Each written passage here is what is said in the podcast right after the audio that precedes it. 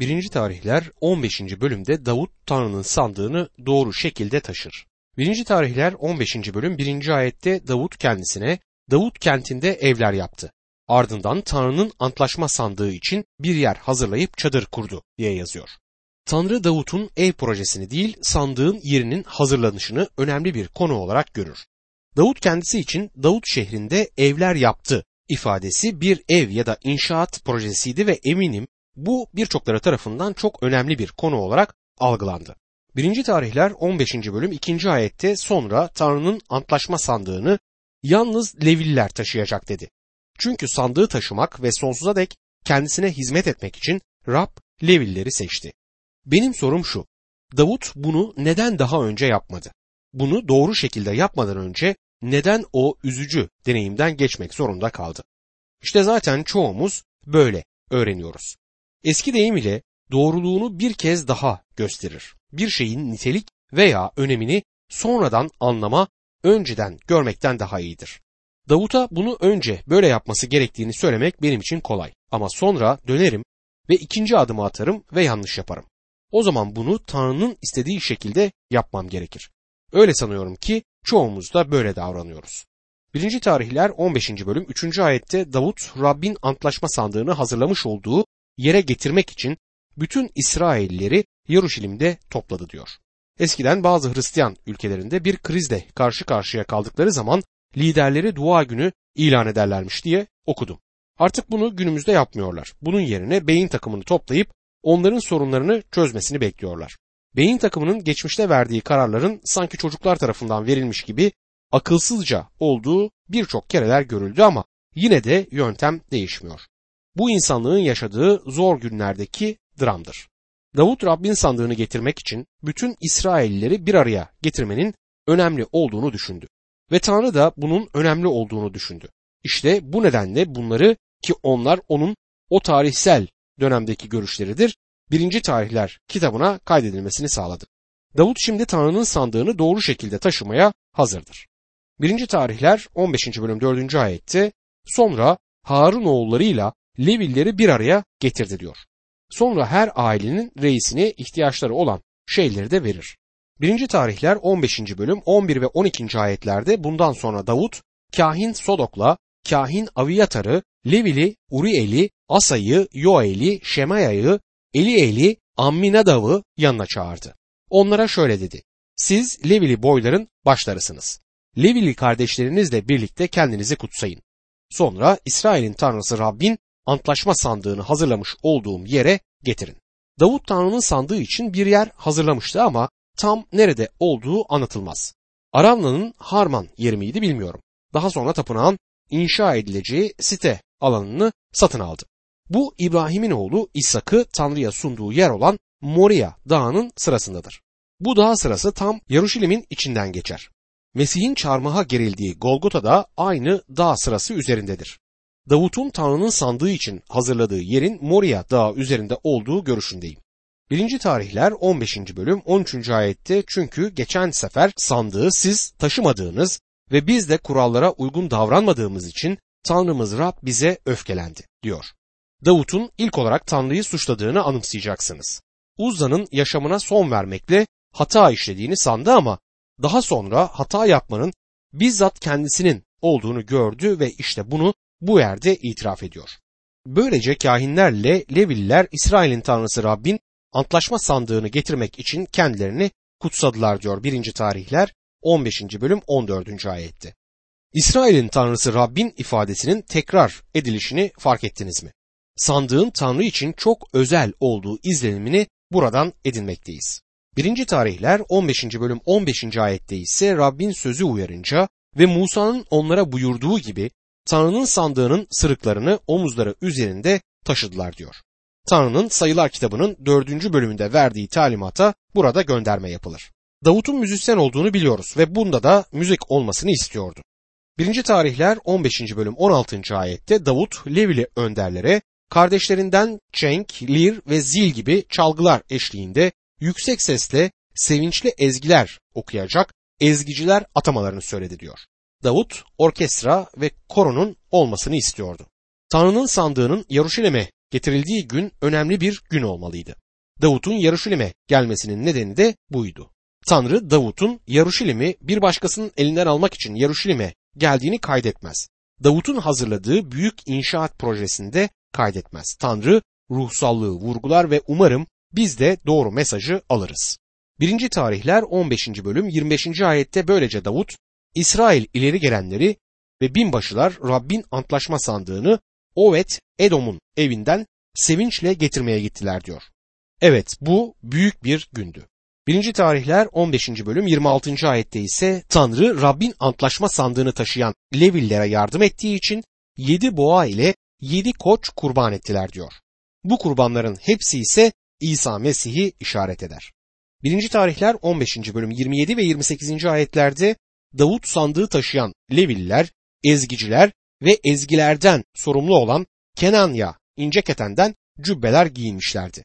Davut ince keten efotla kuşanmıştı. Böylece İsrailliler sevinç naraları atarak boru, borazan, zil, çenk ve lirler çalarak Rabbin antlaşma sandığını getiriyorlardı. Bu gerçekten muhteşem bir gündü. Her zaman büyük bir orkestra isterim ama hizmet ettiğim kiliselerde böylesine büyük bir orkestra olmadı. Herhalde Rab buna sahip olmamı istemedi. Kilisedeki tapınmanın bu kadar ölü olmasının nedenlerinden birinin sevinç yokluğundan kaynaklandığına inanıyorum. Dünyanın bunu göz ardı etmesinin nedeni de sevincin olmamasıdır. Bugün kiliseye gidenlere bir bakın ve onların mutlu görünüp görünmediklerine dikkat edin. Futbol maçını izleyenlere de bir bakın. Kalabalıkta kederli bir yüze rastlamazsınız. Kaybedenler bile kederli görünmez. Hepsi eğlenirler. Oysa Mesih inanlarının yüreklerinde sevinç, huzur görünmez. Bu bir dramdır. Sevinçli olmamız gerekiyor. O gün tüm dünya Davut'un Tanrı'nın sandığını Yaruşilim'e getirdiğini işitti. Başka ülkelerden gelen ziyaretçilerin olduğunu sanıyorum. Onların evlerine gidip şöyle dediklerini işitir gibiyim. Aslında benimle Yaruşilim'de olmalıydınız. Çok büyük, çok özel, çok güzel bir gündü. Haberlerde ve gazetelerin ilk sayfalarında ruhsal olan ya da Rabbin sevincini gösteren bir şeyin olmadığını bilmem fark ettiniz mi? Dinle ilgili saçma sapan haberler ya da aklı başında olmayan dinci birinin haberini yayınlarlar. Bugün ruhsal ve sevindirici olan şey insanlığın yaşamından çıkmıştır. İşte bu nedenle insanlık ölmeye başladı. Şimdi bu kutlamada herkesin Davut'la uyum içerisinde olmadığını da görüyoruz. 1. tarihler 15. bölüm 29. ayette Rabbin antlaşma sandığı Davut kentine varınca Saul'ün kızı Mikal pencereden baktı. Oynayıp zıplayan Kral Davut'u görünce onu içinden küçümsedi diye yazar. Saul'ün kızı olan Mikal Davut'un ilk karısıydı. Davut'un Rab'be hevesle ve sevinç içerisinde hizmet ettiğini gördü ve içinden dindar bir fanatik diye geçirdi. Oysa günümüzde Davut gibilerine ne kadar çok ihtiyacımız var. Fanatikliğe gerek yok ancak Tanrı halkının yüreğinden ve yaşamından taşacak sevinç ırmaklarına ihtiyacımız var. 15. bölümün önemli mesajı da işte budur. 16. bölüme geldiğimizde Tanrı'nın sandığının yerine yerleştirildiğini görürüz. 16. bölümde Tanrı'nın sandığını Davut'un hazırlamış olduğu çadıra yerleştirdiğini ve Davut'un onun bakımı için gerekeni yaptığını görüyoruz. 1. tarihler 16. bölüm 1 ila 3. ayetler arasında Tanrı'nın antlaşma sandığını getirip Davut'un bu amaçla kurduğu çadırın içine koydular. Tanrı'ya yakmalık sunular ve esenlik sunumları sundular. Davut yakmalık sunuları ve esenlik sunumlarını sunmayı bitirince Rabbin adıyla halkı kutsadı. Ardından erkek, kadın her İsrailliye birer somun ekmekle birer hurma ve üzüm pestili dağıttı diye yazar. Bu İsrail halkı açısından büyük sevinç taşıyan bir olaydı. O zaman yakılan sunular sundular. Leviller üzerinde çalışırken gördüğümüz gibi yakılan bu sunular Tanrı'nın Mesih'te ne gördüğünü simgeyle göstermektedir. Bu sunular Tanrı'nın huzuruna çıktı. Mesih'in çarmıhtaki kanıyla yaptığı barışı, esenliği belirten esenlik sunuları da sundular. Mesih aracılığıyla Tanrı'nın yoluna geldiğimizde Tanrı ile bizim aramızdaki her şey doğru olur. Mesih'in yüceltilmesi ve onun kanını döktüğü gerçeği tam bu noktada eski antlaşmadaki müjdeyi oluşturur. 1. tarihler 16. bölüm 4. ayette Rabbin antlaşma sandığı önünde hizmet etmek, İsrail'in tanrısı Rabbi anmak, ona şükretmek ve övgüler sunmak için bazı Levilleri atadı diye yazar. Hevesli olmak için Tanrı'nın sözü ile haşır neşir olmamız gerekiyor. Futbol maçından dolayı heyecana kapılana taraftar denir ama inanca karşı aynı şekilde hissedene fanatik deniyor. Fanatiklere ihtiyacımız yok ama Tanrı'nın sözü ile haşır neşir olup Rab Tanrı'ya teşekkür ve hamd ilahileri sunmak isteyenlere çok ihtiyacımız var. Davut bunun organizasyonunu sağladı. Asaf reisti ve ikinci olarak Zekerya bulunmaktaydı. Ardından diğerlerinin listesi de geldi. Orada büyük bir müzisyenler grubu vardı. Şimdi Davut'un şükretme mezmurunu görüyoruz. 1. tarihler 16. bölüm 7. ayette o gün Rabbe şükretme işini ilk kez Asaf'la kardeşlerine verdi diyor. Bu mezmuru 105. mezmurda olduğu için tekrar görüyoruz. 105. mezmur 1 ve 2. ayetlerde Rabbe şükredin, ona yakarın, halklara duyurun yaptıklarını, onu ezgilerle, ilahilerle övün, bütün harikalarını anlatın diye yazar. Dostum Tanrı hakkında konuşmamız ve onun sözünü iletmemiz gerekir. Bugün ne yazık ki birçok imanlı televizyondaki reklamları Tanrı sözünden daha çok biliyor. Ve aramızda futbol takımlarını kutsal kitaptan daha iyi bilen sözüm ona vaizler var. Bu bilgisayar çağında hepimiz belirli bir biçime sokuluyoruz. İmanlı dostum Tanrı aşkına Tanrı'nın sözü ile ilgilen ve Mesih'teki özgürlüğü öğren. 1. tarihler 16. bölüm 8. ayette Rabbe şükredin, ona yakarın, halklara duyurun yaptıklarını diyor. Tanrı geçmişte ilerliyordu ve bugün hala ilerliyor. Daha bu küçük dünyayla işi bitmedi ve sanırım eli bugünkü dünya işlerinde görülebilir. 1. tarihler 16. bölüm 9. ayette onu ezgilerle, ilahilerle övün, bütün harikalarını anlatın der. Tanrı'yı yüceltmenin ve ona övgüler sunmanın en önemli yollarından biri ilahi söylemektir. Ben büyük bir sevinçle ilahi söylerim. Bazen de Tanrı sözünden öylesine etkilenirim ki bir bakmışım ki bir ilahinin sözleri çıkmış. Sıkça kendimi kitaplar arasında bulurum. Ama beni dinlendiren sazı elime alıp bir ilahi çalmam ya da yeni bir beste yapmaya çalışmamdır. Gerçekten Tanrı'ya sevinçle ilahiler okumak, ona seslenmek bu benim için büyük bir bereket. Tanrı'yı yüceltmek hoşuma gider.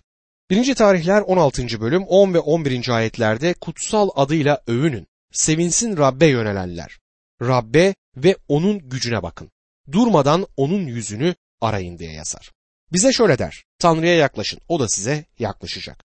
Kurtuluş için yapmamız gereken Mesih'e gelmek ve ona kurtarıcı olarak iman etmektir. Tanrı kurtulacağımıza dair söz verdi. Ancak bu Tanrı ile olan birlikteliğimizi garantilemez. Rabbi ve gücünü arayın. Onun yüzünü hiç durmadan arayın sözünün ardından gitmeliyiz. Onun yüzünü durmadan arıyor musunuz? Sabahleyin uyandığınızda aklınıza gelen ilk şey nedir? Gece yatağa gittiğinizde en son neyi düşünürsünüz? Gün boyunca Tanrı'yı düşünür müsünüz? Yoksa işe, okula ya da bir toplantıya gittiğimiz zaman Tanrı'yı geride mi bırakıyoruz? 1. tarihler 16. bölüm 12 ve 13. ayetlerde Ey sizler! Kulu İsrail'in soyu, seçtiği Yakup oğulları, onun yaptığı harikaları, olağanüstü işlerini ve ağzından çıkan yargıları anımsayın diyor. Bir keresinde Ege sahillerindeydim. Bir akşam görkemli bir gün batımı vardı. Dikkat edip aman tanrım Tanrı'nın ne yaptığına bakın dedim. Tanrı her şeyi muazzam bir biçimde yapar. Çok ışığı, büyük bir güneşi, büyük bir gökyüzü ve büyük dağları var. Güneşin batmasına ve batarken de çeşitli renkler almasına izin verdi. Bunu da bizim zevk almamız için yaptı. Davut Tanrı'nın harika yaratışına dikkat çeker. Tanrı'nın işlerine dikkat çekmektedir. 1. tarihler 16. bölüm 14. ayette Tanrımız Rab odur. Yargıları bütün yeryüzünü kapsar diyor. Tanrı o zaman bütün yeryüzünde hüküm verdi. Bugün de hüküm verdiğini düşünüyorum. Elleri insanların işleri arasında gezer. Şeytanın bu dünyanın tanrısı olduğunu biliyorum. Tanrı'nın bu dönemde ona tutulması için bir miktar ip verdiğini ve onun büyük sıkıntı döneminde ipini geleceğini biliyorum. Yani Tanrı belirli bir süre şeytanın burada yeryüzünde cirit atmasına izin verdi. Ama sonunda onu sonsuz yargıya gönderecektir. Bu Tanrı'nın bu dünyayı denetiminde elinde tutmadığı anlamına gelmez. Tanrı sonunda şeytanı ve şeytanın tüm işlerini bitirecek. Çünkü o yargı tanrısıdır. 1. tarihler 16. bölüm 15 ila 18. ayetler arasında onun antlaşmasını bin kuşak için verdiği sözü, İbrahim'le yaptığı antlaşmayı, İshak için içtiği andı sonsuza dek anımsayın. Hakkınıza düşen mülk olarak Kenan ülkesini size vereceğim diyerek Bunu Yakup için bir kural, İsrail'le sonsuza dek geçerli bir antlaşma yaptı diyor. Tanrı'nın İbrahim'le yaptığı antlaşmayı küçümsemek isteyen pek çok insan var. Ne var ki dostum Davut bu antlaşmayı küçümsemez. Davut bunun hakkında konuşalım diyor. Bugün de Tanrı'nın antlaşmaları önemlidir. Tanrı İbrahim'le bir antlaşma yaptı ve sözünden dönmedi. Tanrı İbrahim'e ona ve soyuna kutsal diyar dediğimiz diyarı vereceğine dair söz verdi ve Tanrı bunu yapacaktır.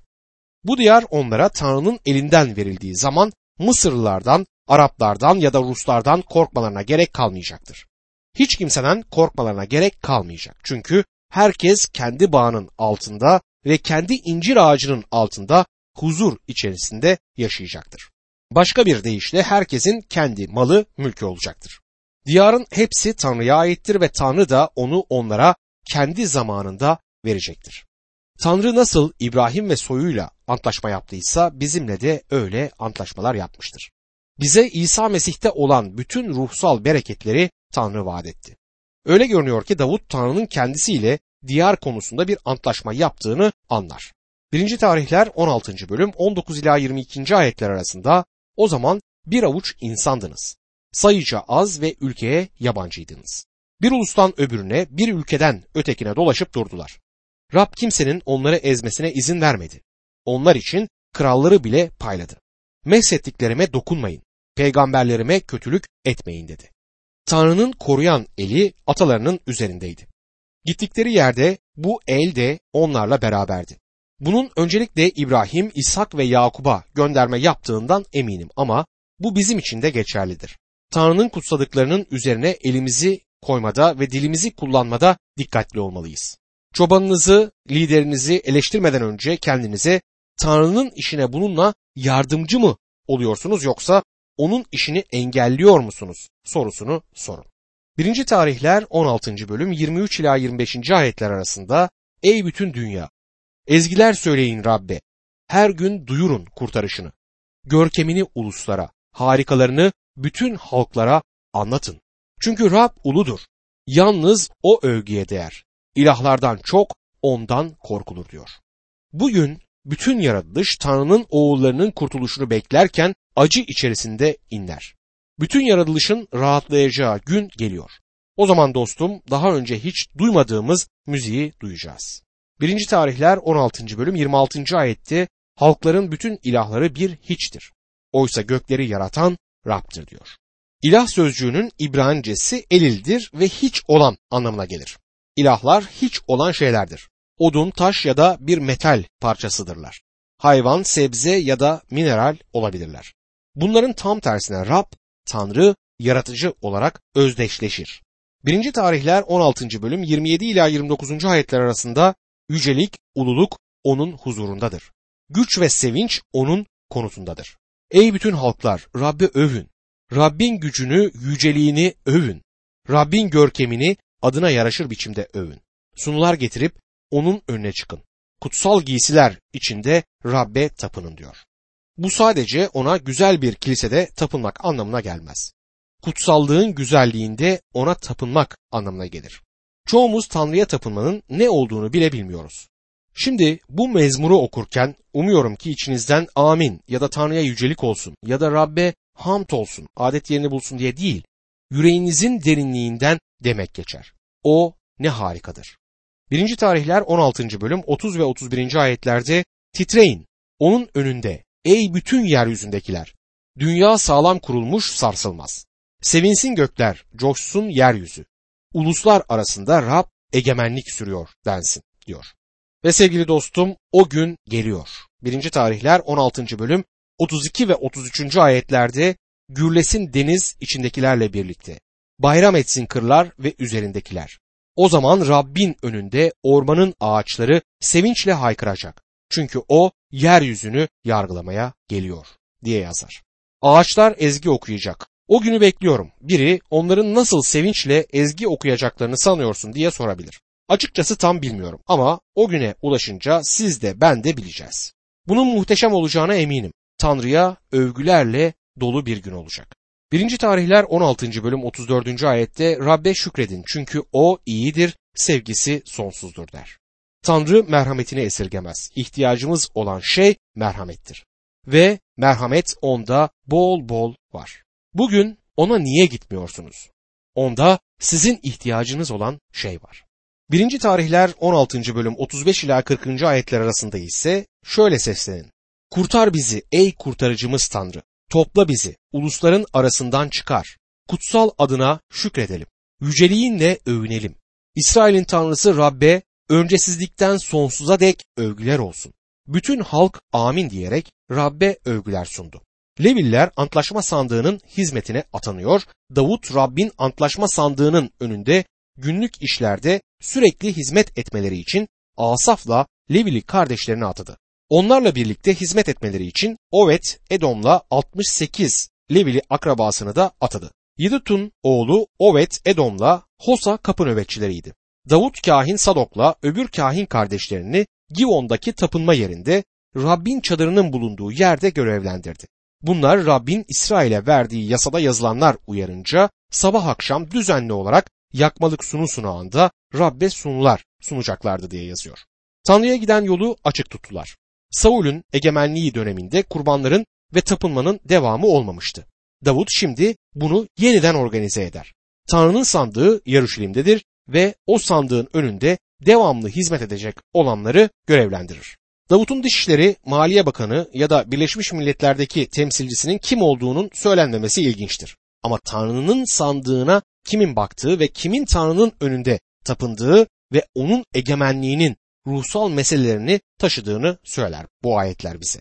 1. tarihler 16. bölüm 41. ayette ise onlarla birlikte Heman'la Yedutun'u ve Rabbin sonsuz sevgisi için şükretsinler diye özel olarak seçilen öbürlerini de görevlendirdi diyor. Tanrı'ya şükretmemizin nedeni budur. Onun lütfu sonsuzdur. 1. tarihler 16. bölüm 42 ve 43. ayetlerde ise Heman'la Yedutun borazanlardan, zillerden ve Tanrı'yı öven ezgiler için gereken öbür çalgılardan sorumluydu. Yedutun oğullarını da kapıda nöbetçi olarak görevlendirdi. Sonra herkes evine döndü. Davut da ailesini kutsamak için evine döndü diye yazıyor. 1. tarihler 17. bölümdeki temel konu Davut ve tapınaktır. Davut'un Tanrı için ev yapma arzusu Rabbi o kadar çok sevindirdi ki 1. tarihler 17. bölümde 2. Samuel 7. bölümde yer alan kaydı olduğu gibi tekrar eder. 1. tarihler 17. bölüm 1. ayette Davut sarayına yerleştikten sonra peygamber Natan'a bak ben sedir ağacından yapılmış bir sarayda oturuyorum. Oysa Rabbin antlaşma sandığı bir çadırın altında duruyor dedi. Sanırım bir gece önce yağmur yağdı. Davut sarayına vuran yağmur sesini işitince dışarıda bir çadırda duran Tanrı'nın sandığını düşündü. Şimdi Davut Natan'a Tanrı için bir ev yapmak istiyorum der. 1. tarihler 17. bölüm 2. ayette Natan tasarladığın her şeyi yap çünkü Tanrı seninledir diye karşılık verdi. Natan düşüncesinin doğru olduğunu söyledi. Ben Natan'ı anlayışla karşılıyorum. Ne var ki burada Tanrı'nın peygamberinin hatalı olduğu bir durum vardır. Tanrı onu düzeltmek zorunda kalacaktır. 1. tarihler 17. bölüm 3 ila 5. ayetler arasında o gece Tanrı Natan'a şöyle seslendi. Git kulum Davut'a şöyle de. Rab diyor ki oturmam için bana tapınak yapmayacaksın. İsrail halkını Mısır'dan çıkardığım günden bu yana tapınakta oturmadım. Bir çadırdan öbür çadıra orada burada konaklayarak dolaştım. Tanrı daima kendisini halkıyla özdeşleştirir. Dostum işte bu nedenle insanlığımızı giyindi, bizim suçlarımızı, günahlarımızı üstüne aldı. Eski antlaşma döneminde halkıyla bir çadırda buluştu çünkü halkı çadırlarda yaşıyordu. 1. tarihler 17. bölüm 6. ayette İsraillerle birlikte dolaştığım yerlerin herhangi birinde halkımı gütmesini buyurduğum İsrail önderlerinden birine neden bana sedir ağacından bir konut yapmadınız diye hiç sordum mu diyor. Şimdi İsrail halkı vaat edilen diyara taşınınca ve kendilerine daimi evler yaptığı zaman daimi bir tapınak binası yoktu ve Tanrı onlara niçin bana sedir ağacından bir ev yapmadınız diye söylemediğini iletiyor. Ancak bu arzu Davut'un yüreğinde yer edindi. 1. tarihler 17. bölüm 7. ayette şimdi kulum Davut'a şöyle diyeceksin. Her şeye egemen Rab diyor ki halkım İsrail'e önder olasın diye seni otlaklardan ve koyun gütmekten aldım. Ve 8. ayette devam ediyor. Her nereye gittiysen seninleydim.